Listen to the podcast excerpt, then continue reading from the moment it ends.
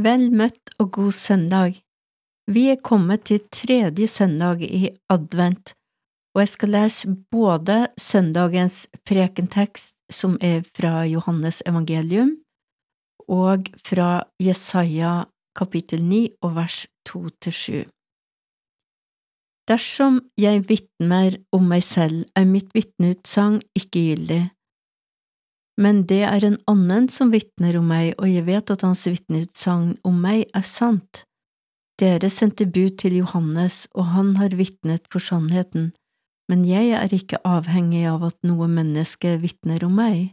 Dette sier jeg for at dere skal bli frelst. Johannes var en brennende og skinnende lampe, og for en tid ville dere glede dere i lyset fra ham.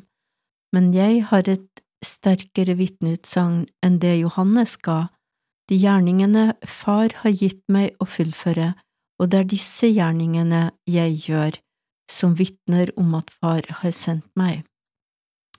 Slik lyder det hellige evangelium. Og så vil jeg lese eh, teksten fra Jesaja. Det folket som vandrer i mørket, ser et stort lys, over dem som bor i dødsskyggens land, stråler lyset fram. Du lot dem juble høyt og gjorde gleden stor, de gledet seg for ditt ansikt som en gleder seg over kornhøsten, som en jubler når krigsbyttet deles. For åket som tynget stokken over skuldrene og staven til slavedriveren har du brutt i stykker, som Midjans dag.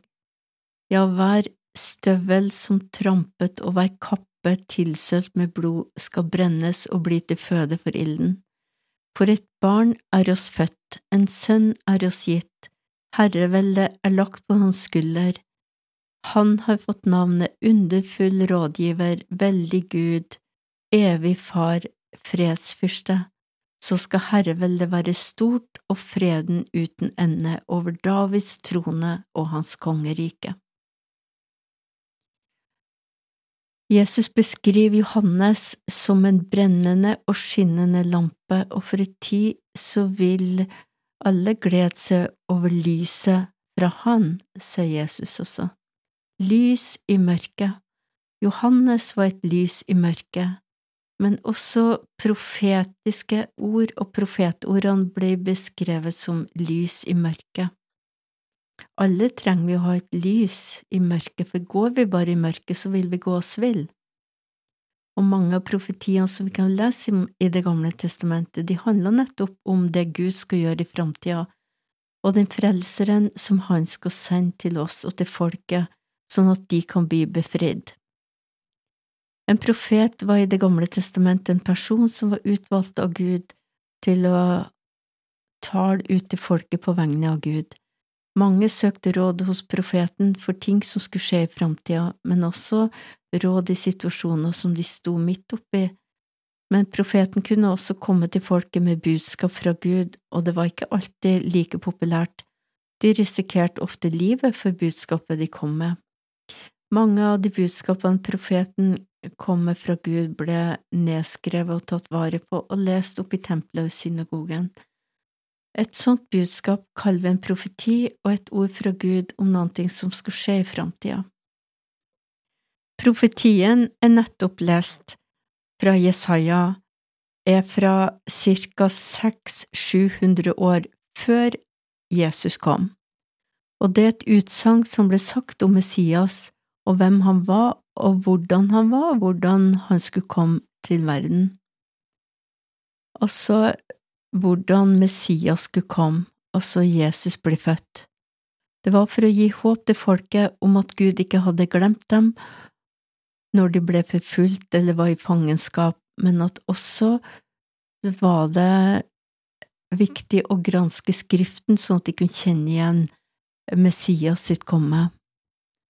Nå var det ikke bare de skriftlærde og prestene som kjente til Skriften, for det var obligatorisk for alle gutta i Israel å gå i synagogen og i sabbaten og høre Skriftene bli opplest, og selv lese Skriftene. Folket kjente Skriftene, og det var stor forventning i folket til at Messias skulle komme på den tida Jesus ble født. Peter, en av Jesus sine disipler, skriver jo nettopp i første Peters brev Derfor står også profetordet så mye fastere for oss. Dette ordet gjør dere rett i å holde fast på, det er en lampe som lyser på et mørkt sted til dagen gryr og morgenstjernen stiger opp i deres hjerte. At nettopp at Guds ord blir åpenbart for oss, og Guds vilje blir åpenbart for oss. Nettopp Peter vokste opp i Kapernaum, nær synagogen der, og han var en av de jødeguttene som hadde hørt profetiene lest opp i synagogen igjen og igjen i sin oppvekst, og som kanskje mange ganger hadde undret seg over om ikke Messias skulle komme snart.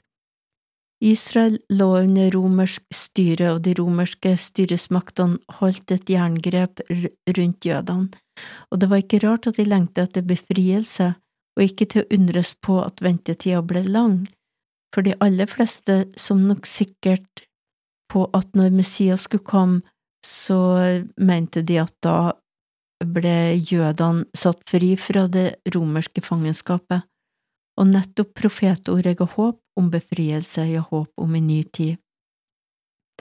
Også vi har forventning i adventstida. Vi vasker og rydder hus og pynter og ordner sånn at alt skal være fint til jul. Vi pakker inn pakker som vi skal glede oss til å gi, og glede oss til å pakke opp og få pakker. Vi planlegger julemat og julesammenkomster, for nå skal familien samles. Kanskje kommer noen hjem til jul som vi har savnet veldig mye, og som vi lengter etter å ha sammen med oss.